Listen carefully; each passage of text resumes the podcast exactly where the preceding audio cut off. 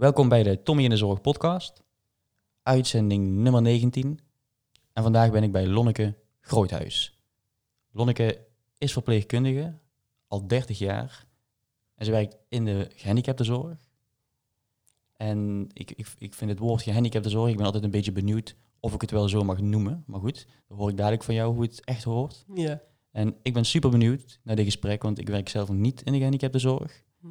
Maar ik ben wel heel benieuwd naar deze sector. Want ik heb bijna één keer meegelopen met iemand en ik vond het heel bijzonder wat jullie allemaal doen. Dus hallo Lonneke, Hallo, Tommy. hoe is het? Ja, met mij is het goed. Ja. Ja. Ik heb één vraag die ik eigenlijk altijd stel aan de mensen. Mhm. Dat is, wat betekent zorg voor jou? Ja.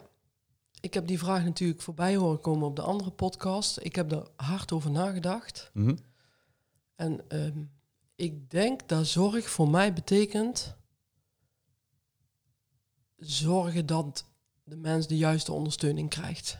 Mhm. Dus niet per se ik zorg voor jou, maar wel ehm, ik kijk samen met jou wat jij nodig hebt. Mhm. Dat is voor mij de zorg op dit moment. En dat is natuurlijk heel breed.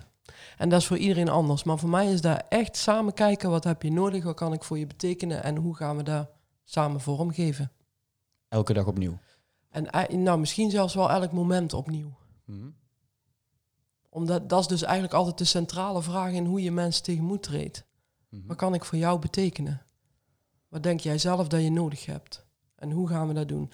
En dat, is, dat klinkt best wel idealistisch, maar bij heel veel cliënten doet dat heel veel goed. Omdat ze dus zelf ook iets te zeggen hebben over hoe hun zorg er dan uitkomt te zien. Ja. Dus echt kijken naar wat iemand nodig heeft per moment. Ja, is mooi. ja, En je, je werkt nu al 30 jaar ja, in de gehandicaptenzorg. ja, Even over dat woord, hè? ja. Gehandicaptenzorg. Ik, Ja. ik, ik, mag ik het zo noemen? Ja, het wordt in de volksmond nog steeds zo genoemd, hè? Mhm. De, de, onze beroepsvereniging, Vereniging Gehandicaptenzorg Nederland. hè. Ehm, dus het, mensen noemen het nog steeds zo. Mhm. Het omvat denk ik niet alles wat we doen. Nee. Nee. Dus je mag het zo noemen. Het klinkt al veel beter als hoe het al daarvoor en daarvoor en daarvoor genoemd werd. Mhm. Ehm, ik zeg zelf ook, ik werk in de gehandicaptenzorg. Ook een beetje omdat mensen dan begrijpen wat je, enigszins begrijpen wat je doet, denk ik. Want, want hoe heet dit, zeg maar, heel vroeger? Ja, nou ja, toen, ehm, voor, hiervoor was het echt de zwakzinnige zorg. Mhm. Ik ben opgeleid als Z-verpleegkundige, dus verpleegkundige in de zwakzinnige zorg. Daarvoor was het echt imbeciel, idioot, debiel, Mhm. om gradaties te geven aan niveaus van cliënten. Dus- Zo. en, en daarvoor in het hele medische model was het echt eh, ja, nog veel erger. Ben heel blij dat dat niet meer is. Maar Ik vind debiel en imbeciel en idioot ook al echt vreselijk. En eigenlijk geven wij die namen niet meer aan de niveaus van onze cliënten nu. Nee, ik vind het ook een na woord. Als je zo, en, Dat is het ook. en ook gehandicapt, dan denk ik ja. En dan vind ik, ik hoor ook wel eens uit mensen met een beperking, dan vind Ja. ik ook, Ja, vind ik ook dan, dan leg je de nadruk op een beperking. Terwijl Ja. die mensen, sommige mensen met een beperking, die zijn supersterk in andere dingen, die ik nooit zou kunnen. En dan is het dan een beperking. Nee, die, die heeft dan een andere ontwikkeling of zo. Of, ja, daar ben ik echt met je eens. Ik, weet je, mensen met een licht verstandelijke beperking, zeggen ze dan wel eens. Ja, maar als je zo'n stempel krijgt, als je zeg maar wel bij Ja. kennis bent en je hebt de stempel verstandelijke beperking, dan word je daardoor al een beetje verstandelijk beperkt, voor mijn gevoel. Ja, ik denk dat ook. En ik denk dat daar, voor mij staat daar wel een beetje los van de verstandelijke beperking. Ik denk dat daar etiketjes en stickertjes plakken waar wij zo goed kunnen in Nederland, voor iedereen heel lastig is. Ja. Dus ook als je een psychiatrische beperking hebt, Mhm. dus als je eh schizofreen bent of als je last van psychoses hebt, wil je die sticker ook niet. Nee. Dan ben je nog steeds wie je bent, maar je hebt ook op een bepaald vlak ondersteuning nodig. En op heel veel andere vlakken niet. Ik vind het wel interessant, zeg maar, als wij als mensen zeg maar, in Nederland iets psychisch mankeren, dan gaan wij altijd die persoon een ziektebeeld noemen. Dus bij Ja. iemand die dan schizofrenie heeft, die noemen wij een schizofreen. Of Ja. iemand met dementie, dat is dan, eh, die is dement. Of, Ja. Terwijl als je je been gebroken hebt of je hebt kanker, dan noemen we je ook niet een kankerende, toch? Dus dan is nee, het, precies. dan ligt, dat vind ik altijd apart. Is, het- zou dat komen omdat we het niet kunnen zien? Ja, en omdat we het niet begrijpen, denk ik. Ja, vooral het niet begrijpen zal het wel zijn. als je het niet begrijpt, ga je er woorden aan geven waarvan je niet weet of het klopt. Hm. Dus, ehm, en en je, als je, je weet zeker dat iemand die dement is, dement is. Mhm. Maar wat dat dan allemaal betekent, je weet zeker dat iemand met een verstandelijke beperking een verstandelijke beperking heeft. Maar hoe dat eruit ziet, weet niemand. Nee. Dus noemen we hem een verstandelijk gehandicapte. In plaats van bij naam of bij... Ja, het wordt bijna een titel hè, die je Ja. voor je naam moet dragen Ja. of zo. Ja, dat is met een schizofreen. Of een, dan denk ik, ja, weet je, ik heb ook beperkingen. Die kun je ook niet zien. Maar ik heet echt gewoon Lonneke. Ja, ja. Als maar hoe spreken jullie dan bij, op jullie werk over de mensen? Gewoon mensen of gewoon de naam of Meestal gewoon bij naam. ja, Cliënten. cliënten? Ja, dat is ook weer zo'n dingetje. Hè? Ja. Cliënt, patiënt, gast, Ja, bewoner, oh, weet je, eh, eh, klant. klant. Klant. Ja. Alsof ze iets komen kopen. Ja. Ik, ik heb een hekel aan... Dat is wel echt heel uberhip, hè? Klant. ja. Klantreis door de organisatie. Ja. Ja. vreselijk. Ik vind onze... Weet je... Ze kiezen er niet voor om bij ons iets te komen kopen, hè? Nee. Dat is geen Nee. keus. Oh, ik heb nou een beperking, dan ga ik eens bij Prisma iets kopen of bij, eh bij Oro, maakt niet uit waar. Dat is geen keuze. Dus een klant is, insinueert ook dat hij iets wil komen halen. En dat klopt natuurlijk, want ze komen wel ondersteuning halen. En er zit ook Ja. iets in de individuele keuze die mensen maken voor welke organisatie. Hè? Mhm. Da- daar zit ook een keuze in. Maar om dan meteen te zeggen, nou, jij bent een klant binnen onze organisatie, dat vind ik gek. Ja, ik vind ook als je zeg maar het woord klant gebruikt, dan ga je eigenlijk soort van suggereren dat zorg een product is. Ja. En dat is echt het slechtste product wat je kunt verkopen, want niemand staat op en die denkt, oh, vandaag ga ik zorg inkopen. Dus ik denk dat het woord klant, ja, vind ik, ja, apart. ja. Ik weet niet wat ik ervan vind, maar Ja, inderdaad, sommige organisaties doen het niet zo. helemaal goed. Ik, weet je, ik zeg altijd, ja, laten we elkaar gewoon bij naam noemen. Dat vind ik prettiger. En cliënten over het algemeen vinden dat ook prettiger. Ja, Ehm, en als mensen het echt niet willen, geven ze het wel aan. ja, dat denk ik ook, ja. Ja, hey, maar 30 jaar al in het vak, hoe, hoe, hoe, hoe ben je begonnen? Toen je 17 was? ja, ja, ik ben nog echt wel... Nou, ik was volgens mij zelfs nog maar net... Ik ben op mijn zeventiende verjaardag begonnen.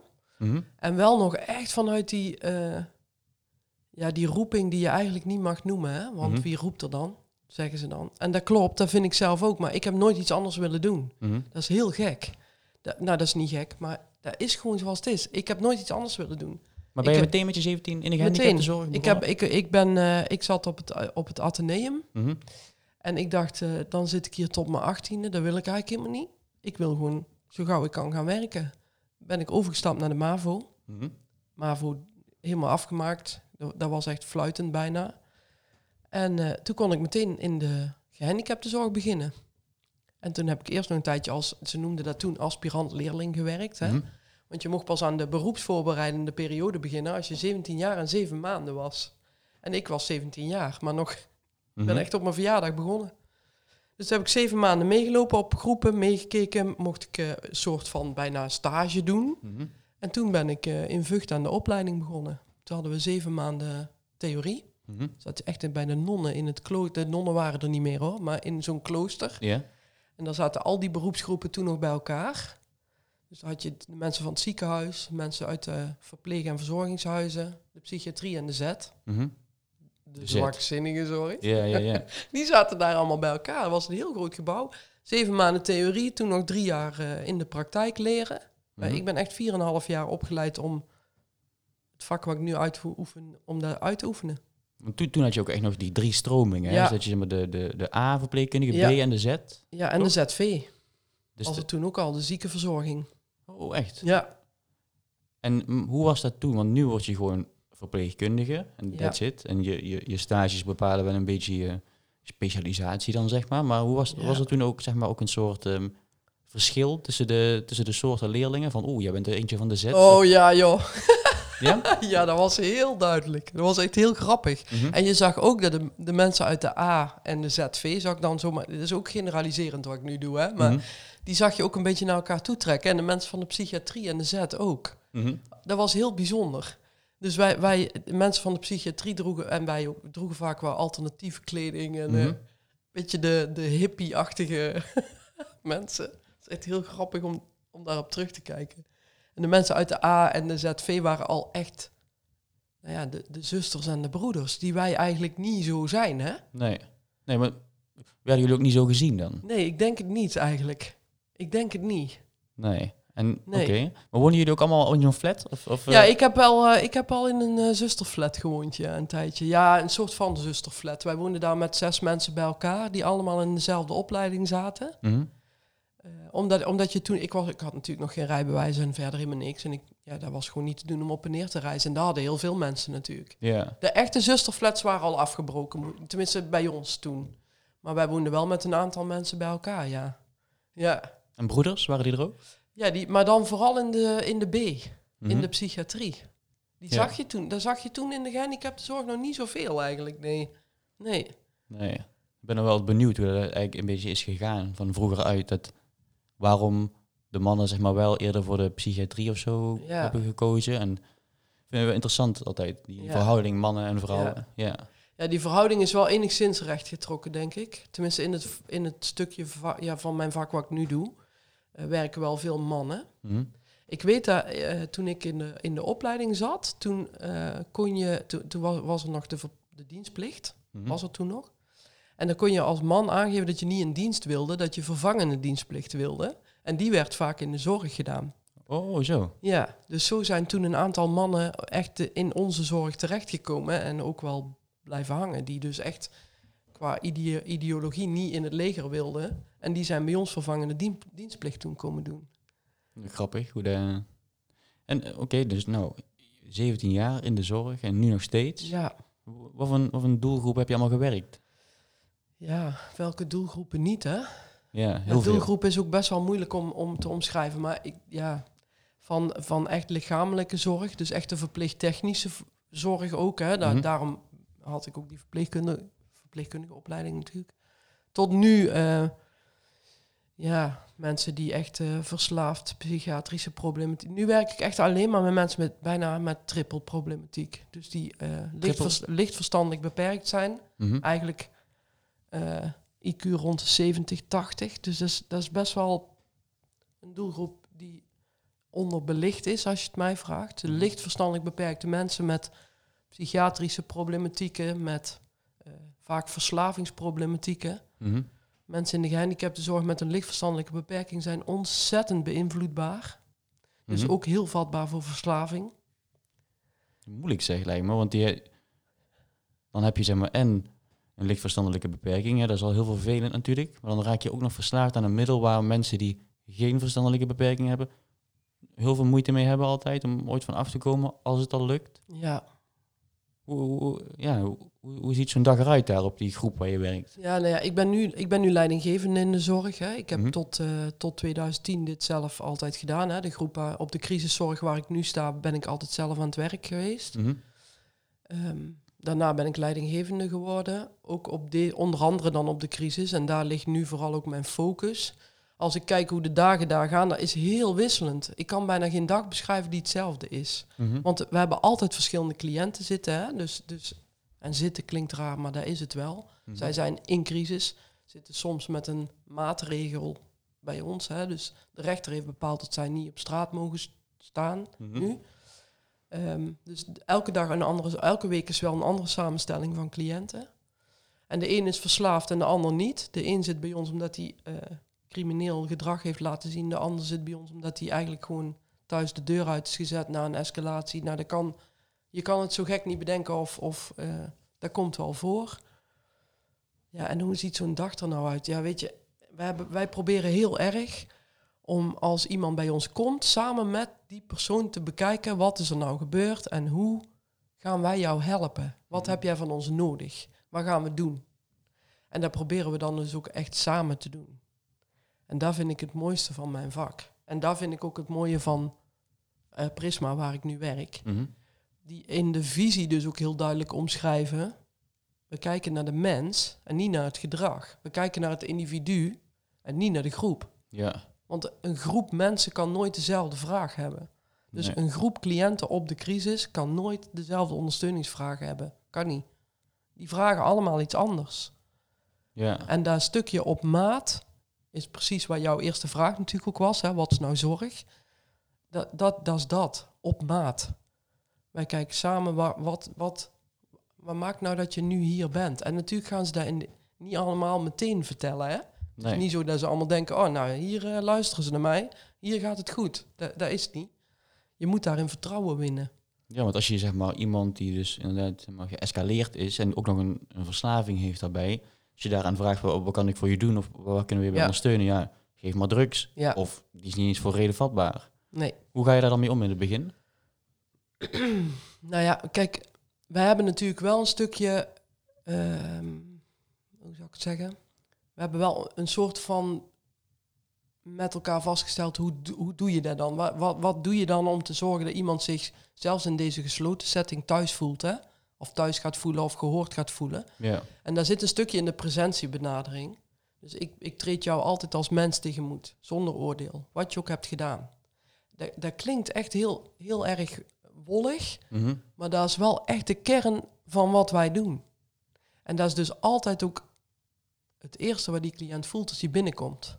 ja, En dat, dat, ehm, dat kun je bijna niet beschrijven. Dat moet je echt voelen. Dat- maar je gaat er niet zeg maar boven staan van nou, oh, jij, hebt, jij hebt iets gedaan wat niet kan. We gaan jou nu eh, misschien wel medicijnen geven om rustig te worden, want dat zou wel ooit moeten, denk ik. ja, Maar dat moet wel eens. dat je daar echt als een soort cipier te werk gaat. Nee, absoluut niet zelfs. Nee, nee. Maar soms moet je wel, denk ik, echt, ja, toch uitkijken of zo, lijkt mij. Want als ik zo hoor van mensen met een lichtverstandelijke beperking, verslaving, nou, dat zijn gewoon eh, misschien wel volwassen mannen en vrouwen, Klopt. qua lichaam dan. Ja.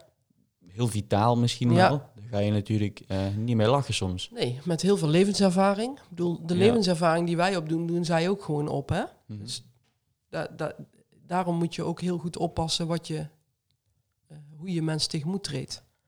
En eigenlijk vragen zijn natuurlijk niet anders als treed mij tegemoet zoals je iedereen tegemoet treedt. Ja, Zoals ik jou tegemoet treed, zo treed ik cliënten ook tegemoet die ik nog niet ken. Ehm, en daar hoort een stukje bij dat je, wil, dat je erkent dat zij niet bij ons willen zijn. Mhm. Dus ik snap dat je hier niet wil zijn. Dat Ja. snap ik echt. Maar goed, het blijkt dat het even nodig is. Dus hoe gaan we nou het beste maken van deze periode? Daar heb jij wel zelf een rol in. Ja, natuurlijk. En dat stukje aanspreken op eigen verantwoordelijkheid is belangrijk. Maar ook van, we weten ook dat je het niet helemaal zelf kunt. Dus wij helpen jou.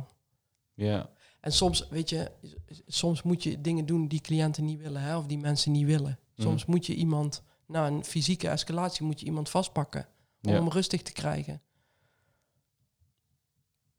Dat leggen we dan uit, proberen we uit te leggen hè, bij opnames. Soms gebeuren er dingen die jij niet wil. Dat zullen we altijd met jou bespreken. Daarvoor en daarna. Of daarna. Ja. soms moeten wij dingen doen die jij niet wil. Voor onze eigen veiligheid, voor de veiligheid van anderen. ja. Dat is best pittig af en toe. Dat lijkt me ook moeilijk, want eigenlijk wil je ook niet zoiets doen. Maar ja, Nee. als je iemand anders alles kort en klein sluit, of misschien zichzelf wel iets aandoet, dan heb je weinig keuze. Ja, je, je, moet, je moet soms. Ja. moet soms. En dat maakt het ook, weet je, dat maakt ons vak nu ook echt anders dan dat het was. Het is niet meer zoals het was. Toen ik begon was het echt, eh, je gaat voor mensen zorgen. Hè? Je gaat eh, zorgen dat ze netjes in de kleren zitten, in de rolstoel zetten, eten geven. K- Vooral, eh, ik ben heel erg van het fysieke contact. Onze cliënten zijn daar ook vaak. Je, ja, hè, dat, dat knuffelen, snoezelen, deden wij. Ik weet ja. niet of je het kent, snoezelen. Ehm, dat is echt anders geworden. Het fysiek, de behoefte aan het lichamelijk contact is er bij iedereen Mhm. nog steeds. Dus ik dat doe ik nog steeds. Ik knuffel cliënten waarvan sommige mensen denken, hm, waarom knuffel jij die? Ja, Omdat ze om een knuffel vragen. Ehm, maar dat is wel echt anders in de zorg van nu. Nu is het echt veel praten, veel op jezelf reflecteren, veel meer dan vroeger. Weet was je? vroeger, maar vroeger was het knuffelen wel, maar niet het praten of zo. Nou, veel minder praten, veel meer bedenken van, oké, nu gaan wij, wij bedenken wat we de hele dag gaan doen. Mhm. Dus de begeleiding of de, of de zorg bepaalde dan wat, hoe die dag eruit ging zien. Ehm, vaste ankerpunten op de dag, dan ging iedereen eten. Ja, Of je daar nou aankon of niet. Dan zat je met 16 cliënten soms te eten. Er zaten drie cliënten tegelijk op een badkamer. Mhm. Eén in bad, de ander onder de douche en de derde zat op de wc. Op één badkamer. Op één badkamer. Dat is echt tegenwoordig gelu- gelukkig, hè?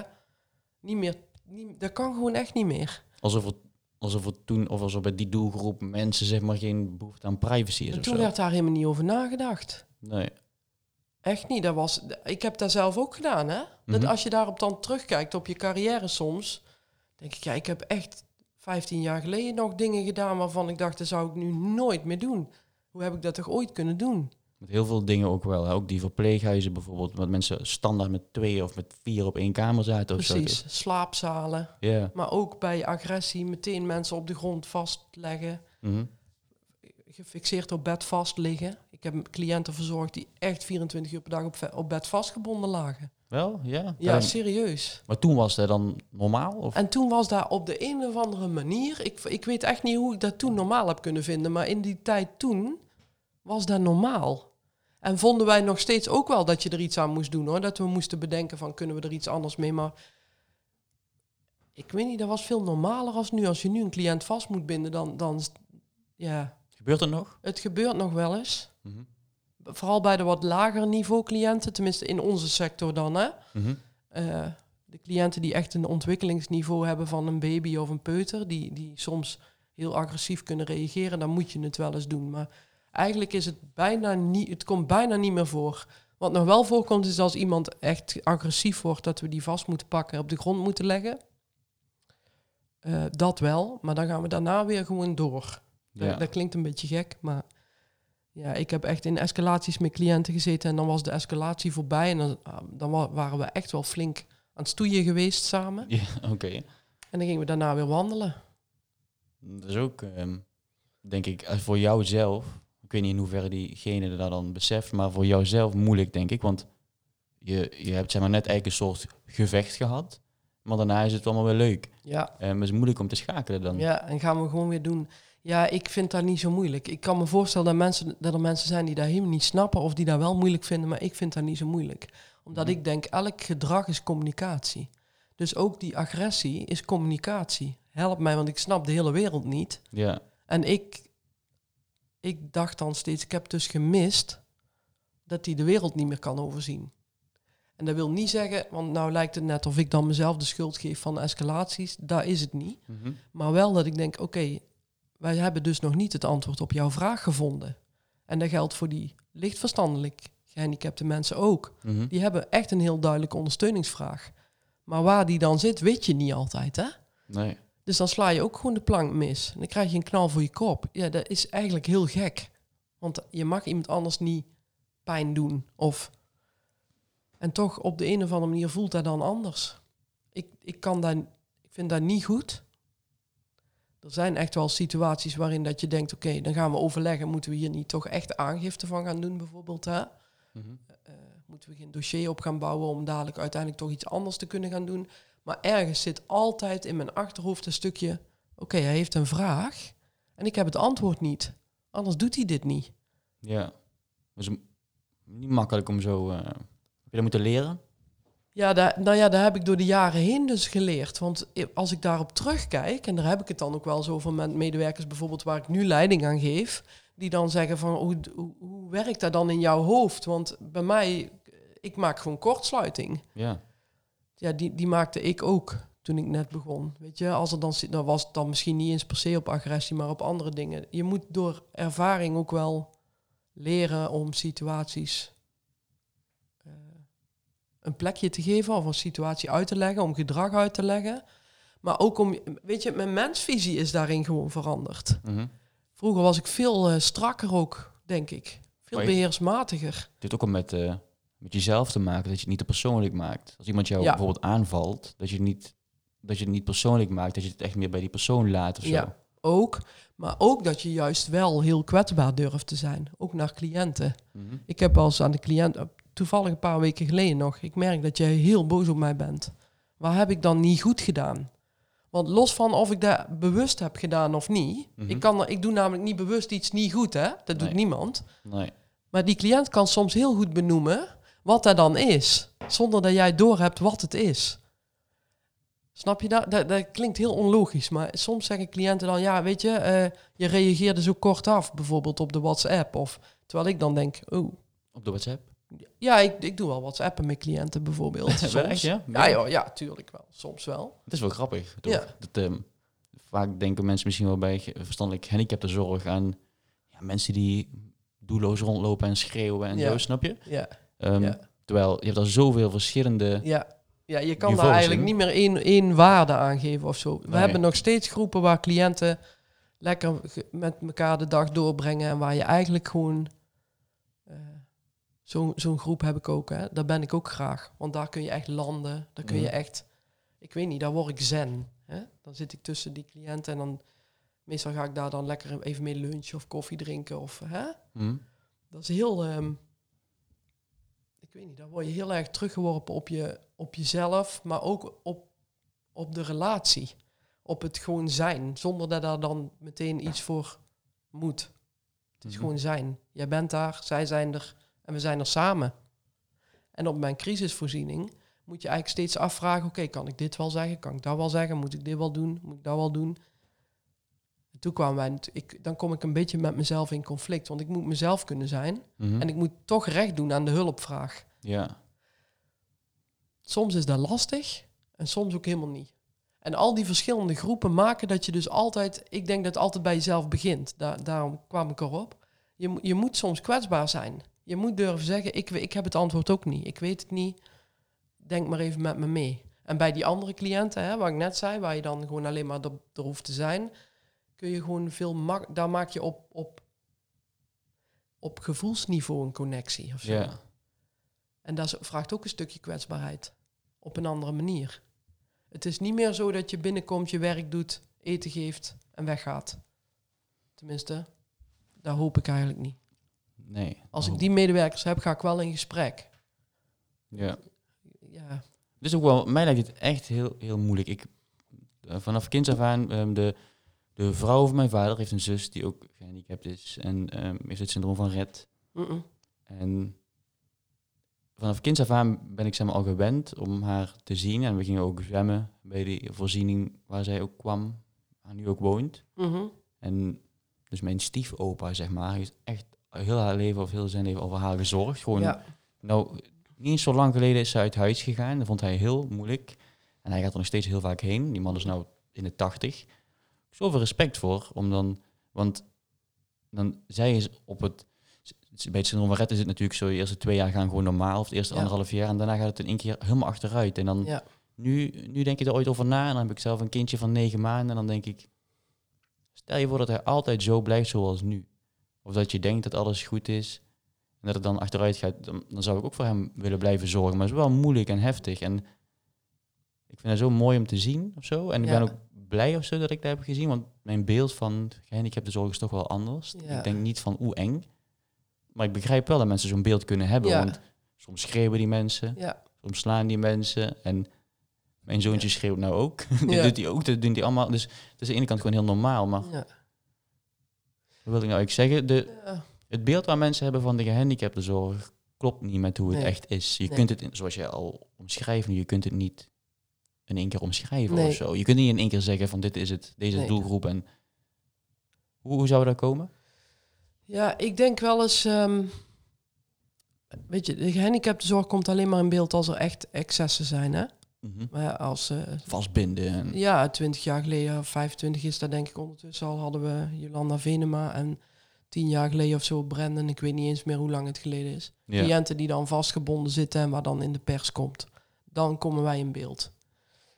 Dat, dat, dat vind ik echt heel erg. Want er gebeuren namelijk heel veel hele mooie dingen in onze zorg. Ik heb echt een prachtig vak. Echt, Mhm. ik ben er ook heel, heel trots op. Ik ben ook al trots op mijn medewerkers.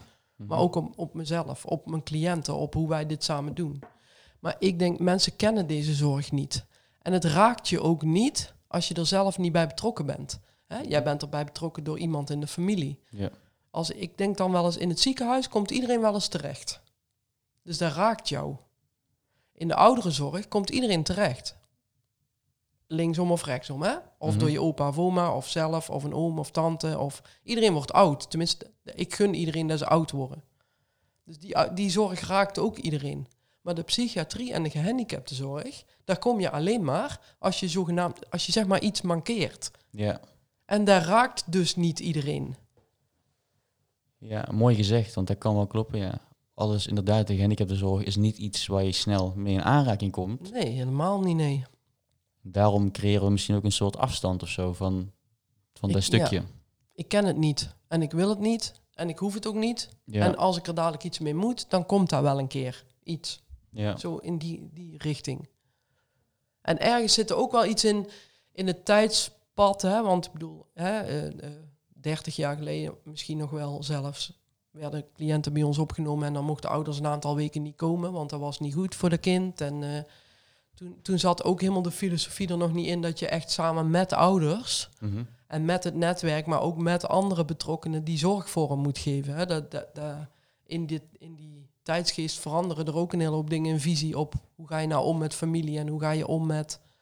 Dus nu raakt het wel, het wordt steeds meer open, laat Mhm. ik het zo zeggen. Dat wil ik eigenlijk zeggen. Het gaat steeds meer, wat wij doen wordt steeds meer open. Dus hè, ik werk bijvoorbeeld in, in, op een prachtig landpark in, in uh, Biesemortel. Daar mag iedereen komen. Ja. Dus als, als, mensen, als mensen daar een rondje willen fietsen of een wandelpad of een, eh, een keer op, de, op het voetbalveldje, of, hè, dat mag. Maar dat, 30 jaar geleden was dat niet. Dat was Afgesloten. afgesloten. Dat was, onze, dat was een, een plek waar mensen eigenlijk niet kwamen, net zoals in de GGZ, Ja. als je daar niet hoefde te zijn. En juist daar nu zo heel langzaam die terreinen allemaal open gaan en we er iets meer een inkijkje op geven, wordt het iets normaler.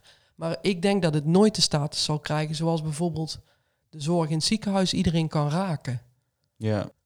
Nee, dat klopt. Ik denk, ja, vroeger was het ook zo dat, net als met de verpleeghuizen, dat die echt achteraf neergezet werden. Ja. hè? Het sanatorium, of hoe noem je die dingen? Ja, Dat, ja, eh, ja. Ja, En dat is natuurlijk ook steeds meer open. En dat is een hele mooie ontwikkeling, denk ik. Want ja. dan daardoor kunnen mensen ook veel beter een beeld krijgen. Wat gebeurt daar nu? En daardoor wordt het ook normaler. Ja, Weet je, het is, mensen met een beperking zijn niet gek. Die Nee. zijn gewoon anders. Maar ik ben ook anders als jij. ja. het Dus- is alleen het geluk dat je een beetje mee kunt in het systeem waar wij gecreëerd hebben hier. Ja. ja. En, maar daar gaat het ook mis, hè? want de maatschappij wordt natuurlijk vreselijk ingewikkeld. ja. Daardoor zie je al die mensen die vroeger, dat denk, ik- dat is, ik weet niet of dat ooit onderzocht is, maar ik denk dan, vroeger waren er heel veel boerenbedrijven waar die wat simpele boerenzonen zich prima konden redden. ja. Met de structuur van moeder. Hè? We eten om acht uur of om, om zes uur, je gaat stal in en om tien uur krijg je koffie, om twaalf uur lunch. Nou, zo, dat was heel duidelijk. In die duidelijkheid doen heel veel mensen het heel goed, hè? Mhm. Maar nu is daar allemaal zoveel. De, de maatschappij is zo ingewikkeld geworden dat die mensen die zich eerst prima konden redden, nu ook een beetje on, eronderaf gaan vallen. Ja. En daar zijn de mensen die wij nu steeds vaker tegen gaan komen. Het is wel interessant om het, om het zeg maar, om te draaien. Dat, zeg maar, we, we hebben het er wel over dat die mensen niet mee kunnen in onze maatschappij. Maar de complexiteit van onze maatschappij maakt wellicht dat die mensen niet mee kunnen. Ja, Dus waar zit dan het probleem? Ja. Dus hoe wij, of bij die mensen, of, of bij onszelf. Bij, bij hoe de ja, mensen die het complexer kunnen maken, het zeg maar indelen. ja. Weet je, en daarin is, eh, want we zitten nu natuurlijk in coronatijd. Oh ja, ja de coronatijd. Ehm, die maakt het leven zo overzichtelijk.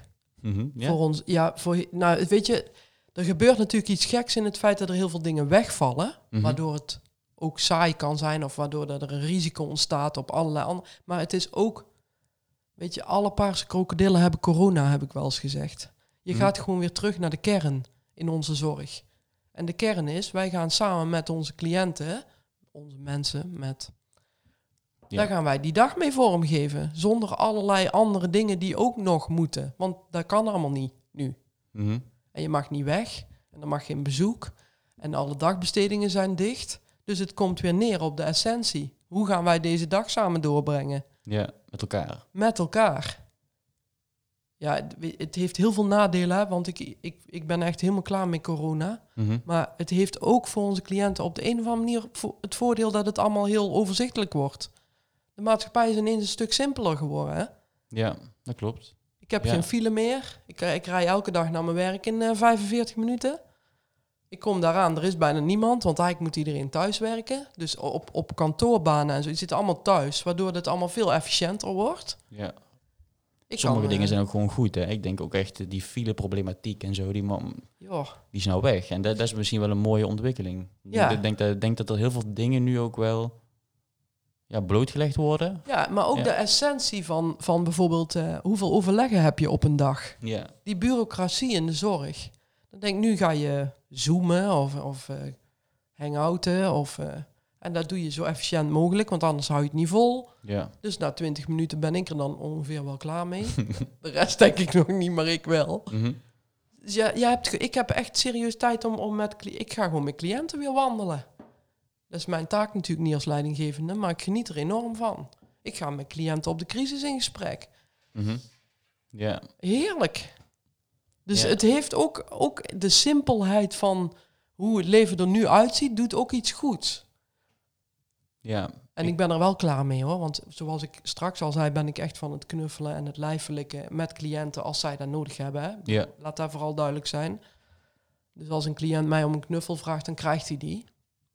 En die krijgt hij nog steeds. Alleen, ja, weet je, dat, dat, ik ben er dus klaar mee dat die, die anderhalve meter maatschappij het nieuwe normaal wordt. ja dat is niet... Alsjeblieft zeg. Nee, dat is niet normaal. En ik denk dat we dat ook, Nee. eh, dat dat ook niet, niet zo kan. Want ik vind boodschappen doen zo ongemakkelijk nu. Ja.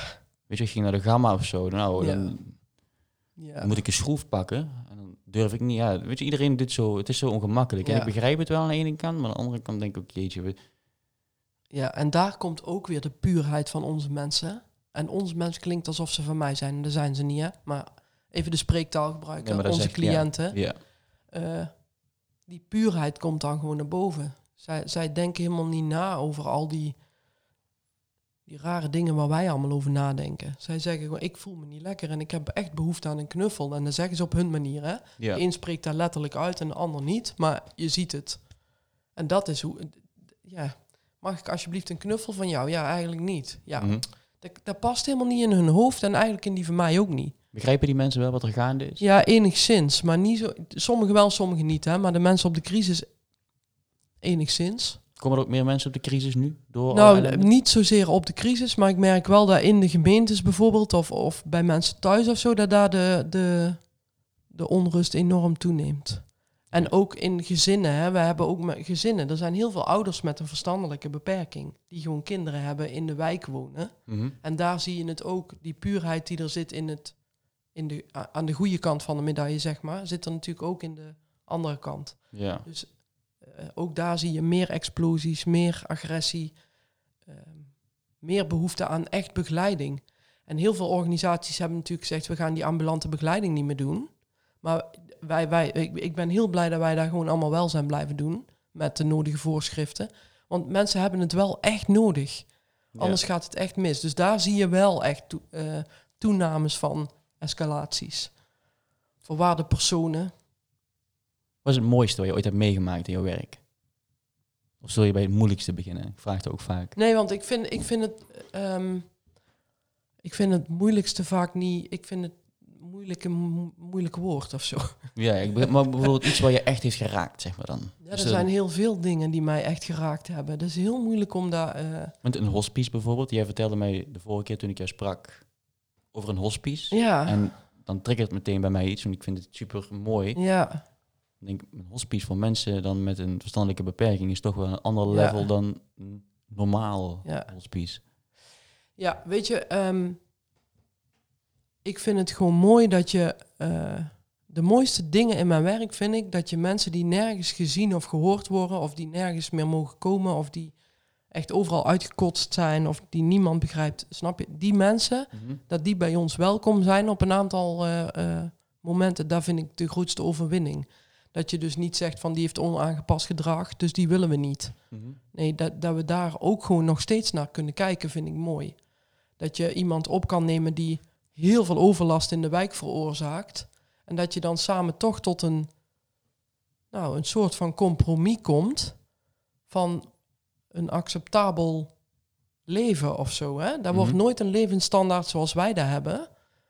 Of zoals jij daar, of ik, want die van ons is ook al verschillend. Maar ik bedoel, er zijn nog steeds mensen die gebruiken, die overlast geven, die, maar die wel wat meer kwaliteit van leven ervaren. En daar zit in heel veel vlakken. Daar zit in, als je op, kijk, het hospice ben ik nu zelf niet meer rechtstreeks bij betrokken. Maar ik kan nog steeds, ik kan, ik kan kippenvel krijgen van hoe, mensen, hoe mooi mensen soms kunnen overlijden. Mhm. Terwijl Ja. ze hun hele leven geknokt hebben om maar begrepen te worden Ja. gezien te worden voor wie ze zijn in plaats van wat ze doen. En als die dan mogen overlijden op een manier zoals je dat misschien wel zelf ook zou willen, als het al ooit moet, hè? Ja.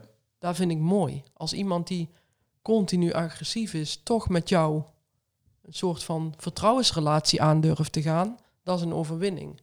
Maar ook bijvoorbeeld het overle- de eerste keer dat ik iemand vond die overleden was, dat vond ik ook, dat, dat heeft mij echt getekend in wie ik ben en hoe, mijn, Ja, hoe, mijn, hoe ik mijn verdere carrière vorm heb gegeven. herkenbaar. Ja, Ja, Dat, ja. die dingen... Ja, Dus- maar ook de eerste escalatie. Ik weet nog heel goed, de eerste keer dat iemand mij echt, nou ja, volle bak zeg maar, eh, Sloeg. ja, eh, slaan, schoppen, bijten, haren trekken, alles erop en eraan. Dat ik daarna echt huilend eh, op kantoortje zat en dat mijn leidinggevende zei, oh, dat was wel echt heel heftig, hoe gaat het met jou? En dat, dat, ging, dat ging natuurlijk helemaal niet, want ik was er enorm van onder de indruk. Ja. En daarna zat ik thuis en daar zit dan in mij, hè, daar, daar zit in persoon, daar zit ook in mij. Ga ik nadenken over die situatie. Ik heb daar alle ondersteuning bij gekregen die ik nodig had. Maar ik dacht, nee, ik moet dit zelf op de een of andere manier omdraaien naar, naar iets zodat ik er weer mee verder kan. Ja. En dat kan ik alleen maar doen door te bedenken, had ik nou echt iets anders moeten doen? Of had ik nou eh, eh, misschien eerder uit moeten stappen? Of had ik nou... En door de volgende dag gewoon weer meteen met diezelfde cliënten gaan werken. Maar wel erkennen dat ik dat heel spannend vind. Ik hoorde, jou in, ik hoorde in jouw eh, podcast met Rick Mhm. dat hij niet bang is. Ik ben daar wel. Ja? Ik ben daar wel. Maar ik, heb, ik, vind dat, ik vind dat goed. Want angst is soms ook gewoon een hele goede raadgever. Mhm. Ik kan soms zo erg ehm, gedrag anders labelen of zo. Of, of zo erg naar de mens kijken dat ik het bijna het risico niet meer zie. Terwijl als mijn nekhaar overeind gaan staan, Mhm. dan weet ik dat ik op moet letten. Die intuïtie is voor mij in mijn werk heel belangrijk. Ja. Dus ik moet het voelen. En ik ben echt wel eens bang. Ik heb echt wel eens dat ik voor een cliënt zit en denk... "Huh, Ja. Dit zou wel eens helemaal mis kunnen gaan. Mooi dat je, dat je dat zegt, ook, ook bij Rick, dat er zoveel verschillende dingen in de zorg zijn. Ja. Rick heeft bewakers bij zich. Ja, Als hij zeg maar naar gevaarlijke mensen moet, die zul Ja. jij niet hebben, denk nee, ik. dat hebben wij niet. Nee, Ik denk dat hij ook zijn angst Nee. wel wegneemt. ja, dat, die- zou kunnen. En toch is daar ook... Daar hebben wij het wel eens over met elkaar. Dat is ook een soort van valse veiligheid, denk ik wel eens. Ja. En dan Ja. klinkt dat ook weer een beetje idealistisch. Het- zo wil ik niet overkomen. Maar het, voor mij zit een, de veiligheid zit in het contact. Ja. En ik moet voelen als ik met jou in contact ben, dat ik veilig ben. Dat doe ik bij een cliënt precies zo. Dus daar heb ik het ook over met medewerkers. Als jij je veilig voelt in het contact en je checkt of die ander zich ook veilig voelt bij jou, Mhm. dan kun je ook inschatten of het veilig is. Letterlijk dan veilig is. Dus of, of er iemand iets gaat doen wat niet kan, of dat kun je inschatten. Hoe leer je dat? Ja, daar leer, wij, nou, daar leer je sowieso door te voelen. Ja. En door, door niet net te doen of iets voelen heel, iets heel wazigs is. Want voelen is gewoon prima. Dat is normaal. Dus ja, je, je ja. intuïtie voelen is gewoon prima. En we, wij, wij, eh, doen, we hebben een scholingsprogramma, een soort van scholingsprogramma ontwikkeld met eh, eh, een respectvolle weerbaarheidstrainer. Mhm. Die daar ook doet in de PI bijvoorbeeld, of in de gevangenissen. Of, die echt uitgaat van je eigen, van jezelf. En daar is een heel scholingsprogramma opgezet, wat elke medewerker die bij ons met die complexe doelgroepen werkt, Mhm. eh, die doorloopt dat programma ook. Die krijgt die scholing. En dat gaat over eh, verschillende vormen van agressie. Welke agressie zie je dan soms op welk moment? Maar ook wat doet dat dan met jou? Wat voel je dan bij jezelf? En hoe kun je dat sturen? Dus dat, dat gaat heel erg over jezelf. Ja. Dat is mooi. Ja, En, ehm, want inderdaad, dan moet je leren natuurlijk. Maar ik begrijp Ja. wel dat als je zeg maar, voor het eerst echt in de gehandicaptenzorg of in elke zorg dan ja. gaat werken, dat je dan denkt, ja, maar die heb Ja. ik toch niet goed aangevoeld of zo. of eh, dit had, hier had ik niet voor gekozen eigenlijk. Ja, dat heb ik ook wel eens gezegd. Ja, dat je dan... Maar ja, dat hoort er ook bij het werk, denk ik. Ja, het hoort er een beetje bij en je moet het nooit normaal gaan vinden natuurlijk. Hè? Nee. Want daar, daar, die gesprekken voeren wij dan ook. Het is niet normaal, maar het is wel... Het, het hoort er in die zin een beetje bij, maar je moet...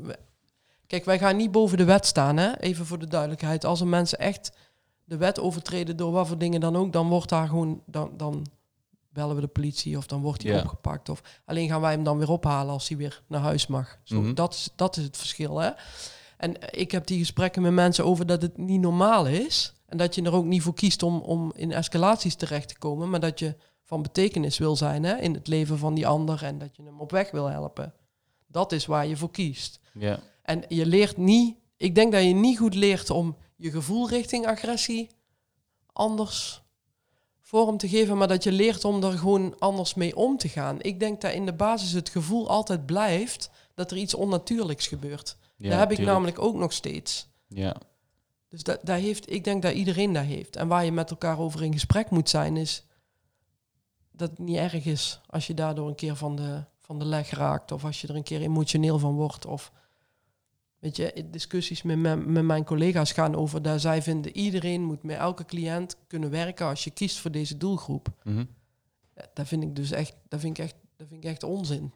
Want Nee. ik kan het ook niet met iedereen even goed vinden. Dus zij ook niet. De cliënten ook niet. En sommige escalaties doen zo'n inbreuk op jouzelf, hè, ja. dat je daar gewoon niet meer naar binnen wil. Maar dat zegt niks over hoe je het bij andere cliënten doet. Nee. En dat, die gesprekken moet je voeren met elkaar. Geloof je dat je echt ook een klik kunt hebben met bepaalde ja, mensen? zeker. Ja, Ja. Ik denk dat het ook altijd eh, zeker. belangrijk is. En dat je ook, zeg maar, als je geen klik hebt met iemand. Ik heb ook ooit een cliënt gehad, daar had ik echt geen klik mee. En dat was ook een mevrouw met psychische problemen. Gewoon een best wel een jonge vrouw. We hadden, die wilde me altijd, altijd zat ze, daar daar voelde zij haar fijn aan. En ik ook bij haar. Dus het was echt een soort, weet je, zo'n magneet Mm. die dan elkaar afstoot of zo. Ja. Ja, dan moet je er ook eerlijk over zijn. ja, vind ik ook. Dat vind ik want ook. het heeft voor niemand een positief effect. Zowel niet voor haar, maar ook niet voor mij. En dat Nee. zal bij jullie hetzelfde zijn. Precies hetzelfde. En Ja. je, ik vind ook dat je dat moet benoemen. Ik, Ja. ik zie dat het gewoon niet werkt tussen ons. Of, Ja. dat, of dat de medewerker zegt, oh, met die cliënt kan ik echt helemaal niks mee. En dan ga ik wel in gesprek, hoe komt dat dan? En heb je daar wel eens met, als het kan, hè, als het niveau toereikend is, heb je het erover gehad met die cliënt. Ik vind namelijk dat je dat gewoon kan bespreken. Mhm. Eh, dat je er transparant in kan zijn, maar soms werkt het gewoon niet. En als het niet werkt, werkt het niet. Nee, dan moet je daar eerlijk over zijn. Je moet vooral gaan doen waar, meer doen van waar goed gaat. En waar niet goed gaat, moet je vooral mee stoppen, denk ik altijd. Maar dan maakt het leven ook weer iets simpeler. Ja, en er zijn vast collega's die het wel heel goed kunnen. Absoluut. Met die persoon. ja, ja. zeker. En jij met anderen weer. Ja. Ja. En, waar, en nou, het, het is helemaal mooi als je daar bij elkaar kan brengen natuurlijk. ja. En daar is natuurlijk wel de reden waarom ik doe wat ik doe. Omdat ik de ruimte krijg om te doen wat ik doe. Hè? Mhm. Dat, dat, kijk, dat is voor mij wel... Ik ben wel een beetje eigenwijs. Mhm, Ik ben maar- niet altijd even makkelijk te sturen door, eh, eh, door werk, nou, door leidinggevende of zo. Hè. Ik, ben, ik ben wel redelijk eh, zelfstandig in mijn werk. Ik doe graag wat ik vanuit overtuiging denk dat de goede dingen zijn. Mhm. En als er soms keuzes gemaakt moeten worden waar ik niet helemaal achter sta, dan ben ik wel een beetje lastig. denk ik. Maar je bent nou, nou, nou ben je leidinggevende. Je staat dan Ja. wel minder aan het bed, zeg maar, om maar zo te zeggen. Ja. Minder dan eerst. Vind je Ja. moeilijk? ja, dat vind ik soms moeilijk en soms ook niet. Want ik merk wel dat ik eh, wel dicht bij de cliënten kan blijven staan. Mhm. Die ruimte krijg ik, dat vind ik fijn. En het is wel anders geworden, daar ben ik wel eerlijk in. Ik doe op, op, de, op de laag niveau groep, zeg ik dan maar even zo, op de groep waar gedrag niet zo prominent aanwezig is. Mhm. Daar werk ik nog wel eens mee, gewoon omdat ik dan denk, dat vind ik gewoon fijn. Ja. Of we krijgen een keer een dienst echt niet opgelost, dan kom ik zelf. Vind ik ook nog steeds echt leuk om te doen. Op de crisis doe ik dat niet. Want daar ben ik de teamleider. Mhm. Dus daar heb ik ook een of andere status die ik eigenlijk helemaal niet wil, maar die ik wel heb, gewoon door, puur door mijn functie. Mhm. Dus dan werk ik niet mee, maar ik ben daar wel regelmatig. Gewoon ga ik een kopje koffie drinken of... eh, want voor collega's, heb jij zeg maar, toen jij nog niet de teamleider was, ehm, toen werkte, werkte je daar samen met collega's. Zijn er nou mensen die nog steeds daar werken? Ja, Ja? Was dat niet lastig? nou, in het begin wel. In het Ja. begin, Nou, weet je, ik, die leidinggevende, dat, dat zegt ook iets over mezelf. Ik ben bij, bij eh, ik werkte bij een andere werkgever en daar moest ik zeg maar, als ik leidinggevende functies wilde gaan vervullen, moest ik echt de hele zorg loslaten. Dat wilde ik niet. Nee. Dus toen ben ik bij Prisma uitgekomen. Daar was ik toen senior A. En senior A betekende meewerkend teamcoach. Oké. En dat vond ik echt een hele leuke functie. Dus ik dacht, dat ga ik doen. En in dat team, dat was dus destijds, dat is in 2004 geweest. Dat was al op de crisis. Mhm. Dus, en daar werken nu nog steeds mensen waar ik toen ook mee begonnen ben. Ja. En ehm, omdat ik geen, ik ben geen autoritaire leidinggevende, dat, dat kan ik overigens ondertussen wel. Dat heb ik geleerd om soms gewoon echt, nou ja, Niet op je gevoel in te gaan. ja, Mhm. Ja, dat. Mhm. Om gewoon echt te zeggen, nee, nu, het is nu gewoon klaar. Dit is het gewoon en zo gaan we het doen. Hè. Ik bedoel, eh, dat kan ik ondertussen, maar dat is niet mijn natuurlijke stijl. Dus wat ik toen deed in dat team, samen overleggen, jullie de regie, we gaan het samen, dat doe ik nog steeds. Mhm. We doen het samen. Ik, ik neem geen besluiten zonder mijn medewerkers, want die moeten het doen. Daar gaat het dus ook wel eens mis, als ik het dan met mijn leidinggevende of met collega's over heb. Ik denk, ja, weet je, jullie, jullie zijn allemaal leuke dingen aan het bedenken, maar eigenlijk moeten zij het bedenken, want zij moeten het gaan doen. Ja, inderdaad. Ik wil het ze niet opleggen. Wat ik, wat ik ze, waar wij soms. Nou, waar- ik heb het daar dus ook niet over met medewerkers. Ik heb het over hoe, hoe gedraag jij je? Hoe, wat straal je uit? Hoe positioneer jij je eigen in het team? Daar heb ik het met hun over. Ja, mooi. Ik denk dat het echt dat eh, je ook zeker een betere leidinggevende maakt als je zelf gewoon jarenlang iets hebt gedaan. En ik zeg niet dat je het per se nog steeds moet doen, maar als je zeg maar wel die ervaring hebt, want die doelgroepen of de Ja. die mensen die veranderen niet per se. Hè. Dat was er twintig jaar geleden ook al. Ja, De manier waarop je ermee omgaat zal misschien een beetje veranderen, maar ja. ik denk wel dat dat heel belangrijk is. Hey, als, als laatste vraag, heb jij tips voor jonge mensen zeg maar, die twijfelen om in de gehandicaptenzorg te gaan werken? Ja, niet twijfelen. Proberen. Gewoon, ja, weet je, ga kijken. Mhm. Ga eh, naar open dagen. Ga, ga maar niet twijfelen, want het is, het, ja, ik vind dit werk echt nog steeds. ehm, ja, ik word er heel blij van. Mhm. En niet elke dag en niet altijd, maar daar word je nergens. Maar ik word heel blij van de puurheid van mensen en dan vooral van wat zij mij leren. En Mhm. als je daar wil, als je daarvoor open staat, moet je gaan. Echt gaan. Gewoon gaan kijken, gaan voelen. Ja, Gewoon niet twijfelen. Gewoon doen. Echt doen. mooi. Dankjewel, Lonneke. Ja, dankjewel Tommy. En tot de volgende keer. Jazeker.